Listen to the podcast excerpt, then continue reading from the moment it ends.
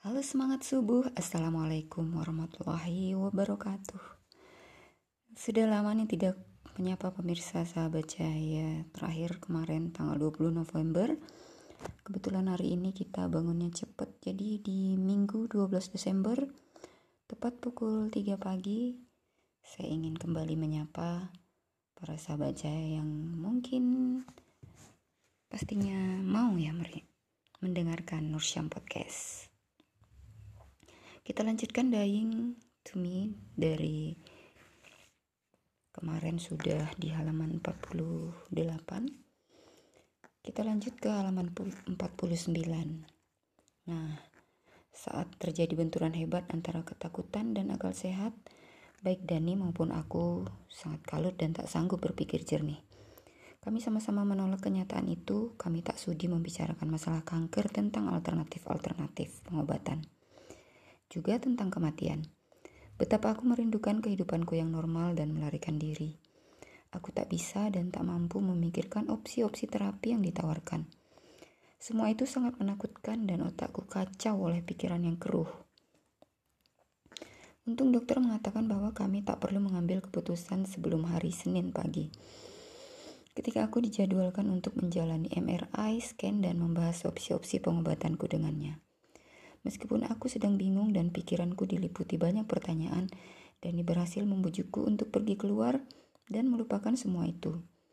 Jadi sesampai kami di rumah, aku segera memakai gaun merah koral favoritku. Saat aku mematut-matut diri di depan cermin, Dani memelukku sambil berkata, Jangan takut, kita akan hadapi semua ini bersama. Jadi malam itu kami kabur melarikan diri dari realita meski hanya sementara. Kami nikmati santap malam di bawah taburan bintang-bintang di LG restoran terbuka favoritku di tepi pantai Stanley Bay. Di ujung selatan Pulau Hong Kong.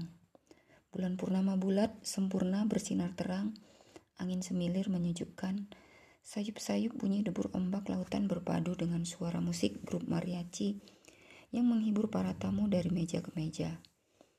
Agar malam itu berlalu sempurna, kami beri uang tip kepada para pemain band agar terus bermain untuk kami selama mungkin dan menyanyikan lagu-lagu kesukaanku. Anggur sangria diedarkan, para musisi bermain dengan riang, dan kami mencoba melupakan dunia luar di sana. Esok harinya aku terbangun di pelukan Dani. Rasanya sungguh nikmat bisa bermalas-malasan di sampingnya dan berusaha melupakan kenyataan dunia. Andai saja kunjungan dokter itu hanya sebuah mimpi buruk, tapi kenyataan terlalu sulit untuk ditepiskan. Aku terkena kanker dan tidak bisa lari dari kenyataan itu. Mana mungkin aku bisa lari dari tubuhku sendiri. Kemampuan manusia memanipulasi pikirannya kadang memang mengagumkan. Ketika Sabtu siang bergulir menuju petang, aku masih menyembunyikan kabar perihal diagnosis itu. Kalau orang tak tahu, berarti aku juga tak perlu pusing-pusing merisaukannya. Kalau aku tak bisa lari dari tubuhku, setidaknya aku bisa bersembunyi ke dalam pikiranku. Kita harus memberi tahu keluarga, ujar Dani dengan sikap yang sangat rasional. Benar, tapi reaksi mereka nanti pasti luar biasa. Bolehkah aku menikmati ketenangan dan kedamaian sehari lagi sebelum mereka kita beritahu bujukku. Tapi sore itu ibu menelepon dan bertanya, mengapa aku belum mengabarinya tentang hasil biopsi itu. Terpaksa Dani menceritakan semua kepadanya dan tahu-tahu ibu sudah memesan tiket untuk terbang ke Hong Kong. Abangku juga menelepon dan mengatakan dia sedang bersiap-siap ke Hong Kong untuk menemuiku. Aku tak ingin mereka terlalu serius menanggapi penyakitku. Sungguh aku tak ingin mereka mendramatisir keadaan, sebab aku takut yang kucemaskan malah akan semakin nyata. Reaksi mereka yang cemas itu malah semakin mempertegas realita. Rasanya wajahku seperti ditampar dengan ikan dari lemari es. Mustahil aku mengingkari kebenaran dari diagnosis dokter. Pada hari Senin sekali lagi kami berdua datang ke klinik dan secara terbuka membahas opsi-opsi pengobatan untukku. Aku baru selesai menjalani scanning MRI dan dokter kami mengamati hasilnya dengan mimik serius. Kankernya sudah stadium 2A, katanya pelan. Apa itu artinya? Tanya Dani. Artinya sel-sel kankernya sudah menyebar ke daerah dada dan ketiak. Tapi penyebarannya masih sebatas tubuh bagian atas, papar dokter dengan sabar. Sekarang mari kita ops mencari opsi pengobatan yang tersedia untuk Anda. Kalau boleh saya sarankan, mungkin Anda menjalankan kombinasi kemoterapi dan penyinaran. Aku tak mau di kemo, jawabku hampir histeris. Tapi hanya dua opsi itu yang kita punya sayang, jawab Dani yang masih kaget melihat reaksi yang kutunjukkan. Dan aku tatap wajahnya dalam-dalam. Coba kau lihat dampak dari kemoterapi yang dialami Sony. Dan bagaimana nasib adik iparmu, kataku padanya. Sebenarnya aku tak mau semua percakapan ini terjadi. Aku hanya ingin hidupku normal kembali. Kututupi wajah dengan kedua tanganku dan berusaha membuang semua pikiran yang memberatiku. Jadi kau ingin mati dengan cara seperti itu? Kudengar suara Dani bergetar penuh rasa ngeri. Kemoterapi bisa merusak tubuh dan sangat menyakitkan. Lebih baik aku mati sekarang saja daripada membiarkan semua ini menimpaku. Aku mengerti, jawab Dani sambil menyentuh tanganku yang terkulai lemas dan dingin di atas meja dokter.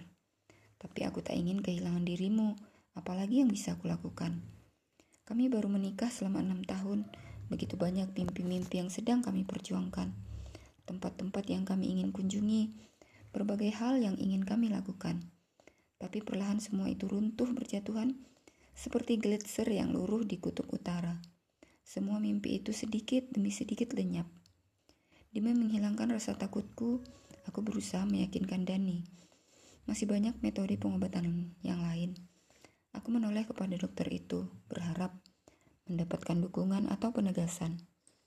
Aku yakin pasti ada cara mengatasi kanker tanpa harus melakukan kemoterapi. Hari itu kami mulai menempuh perjalanan yang panjang. Kami berdua seakan menelusuri kembali jejak perjalanan para pahlawan dalam mitologi kuno saat kami mengayunkan langkah dengan tekad untuk mengalahkan penyakit yang mulai menggerus kebahagiaan kami. Sejak awal kisah perjalananku diwarnai oleh gejolak emosi, terombang-ambing antara keputusasaan, kekecewaan, kengerian, dan juga kemarahan. Sebelum diagnosis itu jadi kenyataan, salah satu hal yang paling aku takutkan adalah kanker. Penyakit itu semakin sering menyergap orang-orang yang dekat dengan aku. Turunnya vonis itu bersama dengan kenyataan bahwa penyakit yang sama telah merenggut nyawa teman dekatku dan adik ipar Dani. Semakin menegaskan keyakinanku, aku sudah menyaksikan bagaimana kemoterapi merusak tubuh orang yang semestinya dia sembuhkan. Dan sekarang penyakit itu mulai menyerang kehidupan kami, mengacau dunia kami, dan melantak apa saja yang dia temui. Beberapa bulan sebelum aku memperoleh diagnosis itu, aku saksikan kesehatan Sony turun dengan drastis. Pada hari-hari itu aku merasa sangat bersalah. Kalau pergi bersenang-senang selagi karibku terbaring di bangsal rumah sakit. Aku merasa tak sepantasnya aku menikmati hidup ketika dia bergelut dengan penderitaan. Ketika kondisinya semakin parah, aku semakin jarang bersenang-senang sebab hatiku didera perasaan berdosa. Aku marah dan juga panik saat memikirkan orang-orang yang kucintai direnggut oleh penyakit itu. Ketakutan akan kanker semakin mencekam pikiranku dan menghancurkan hidupku habis-habisan. Aku makin ngeri kalau mengingat efek dari kemoterapi. Semua ototku jadi kaku mengejang membayangkan sakitnya. Karena sekarang aku sendiri harus berjuang melawan penyakit itu. Aku makin sedih kalau menyaksikan kondisi kesehatan sahabatku memburuk, sehingga aku makin jarang menemani dia. Setiap kali aku menjenguk Sony, aku tak bisa lagi menunjukkan sikap positif atau optimis dan mengharapkan kesembuhannya. Sebab aku sendiri merasa pesimis akan nasibku. Aku juga mulai merasa tak ada gunanya menghabiskan waktu bersamanya seperti dahulu. Melihat efek dari penyakit dan terapi kemo terhadap tubuhnya saja sudah membuatku ketakutan. Aku lemas tanpa daya setiap kali membayangkan bahwa nasib serupa tak lama lagi akan menyergapku. Dan perasaan seperti itu sungguh sulit dikuasai. Ketika saudara Sony menelepon dan mengabarkan bahwa pergulatan Sony melawan kanker telah berakhir, hatiku hancur dan aku menangis sejadi-jadinya. Akhirnya, dia meninggalkan kami semua. Meski aku sedih dan meratapi kepergiannya, sedikit rasa lega bahwa dia tak lagi dirajam oleh rasa nyeri. Hari persemayaman jenazah Sony akan selalu terpatri oleh ingatanku. Masih tergambar jelas Getir duka mendalam di wajah orang tuanya yang merasa amat kehilangan putri yang amat dicintai. Wajah adik dan kakaknya yang terguncang atas kepergian saudara mereka. Wajah pasrah tak berdaya dari suami yang harus menerima kehilangan itu. Tapi yang paling menyedihkan adalah tangis di wajah anak-anak Sony yang masih kecil dan lugu. Ekspresi ngeri mereka saat melihat ke keranda ibunya dilemparkan ke tengah api yang menyala untuk dikremasi. Kenangan itu akan terus menyiksaku sampai kelak aku menutup mata. Pada hari itulah kurasakan amarah luar biasa yang membuat emosiku kian kompleks dan yang membuat keadaanku memburu tak lama setelah Sony dikremasi. Keadaanku semakin memburuk dan kami menerima kabar bahwa adik ipar Dani juga mengalami nasib yang sama. Lelaki itu meninggalkan istri yang masih muda, adik Dani dan kedua anak yang masih belia. Aku benar-benar marah pada dagelan konyol yang disebut kehidupan ini. Aku tak habis pikir, lalu apa arti hidup ini? Sepertinya kita harus hidup bertahun-tahun, belajar memetik hikmah dari perjuangan kita. Dan kita merasa sudah lumayan mapan. Nasib kita berakhir di dalam peti kayu yang dilempar ke tengah api yang berkobaran. Mestinya kehidupan tak berakhir secepat itu. Fakta itu membuat hidup jadi hampa dan sepi makna. Kemudian aku mencari pertolongan. Amarah, ketakutan, frustasi, kecemasan, keputusasaan. Seperti itulah pusaran gejolak emosi yang harus kualami sejak meninggalnya Sony. Dari pagi hingga malam jiwaku terombang-ambing dalam kegalauan setiap kali aku mempertanyakan, memprotes, dan berputus asa dalam menghadapi situasi yang kualami. Aku merasa seluruh keluargaku juga dicekam oleh emosi yang sama. Aku khawatir mereka ngeri jika harus menyaksikan kematianku. Rasa takut itu mendorongku untuk mencari berbagai informasi tentang berbagai macam metode perawatan kesehatan holistik termasuk sistem penyembuhan tradisional dari timur.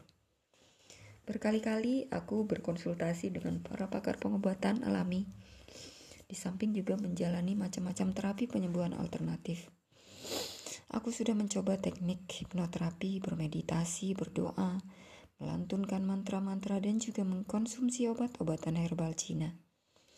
Akhirnya aku lepaskan pekerjaan sambilanku, lalu pergi ke India untuk mengikuti sistem pengobatan Ayurveda. Sementara Dani tetap tinggal di Hong Kong. Beban pekerjaan Dani tidak memungkinkan dia menemaniku tapi dia menyempatkan diri untuk menjengukku dua minggu.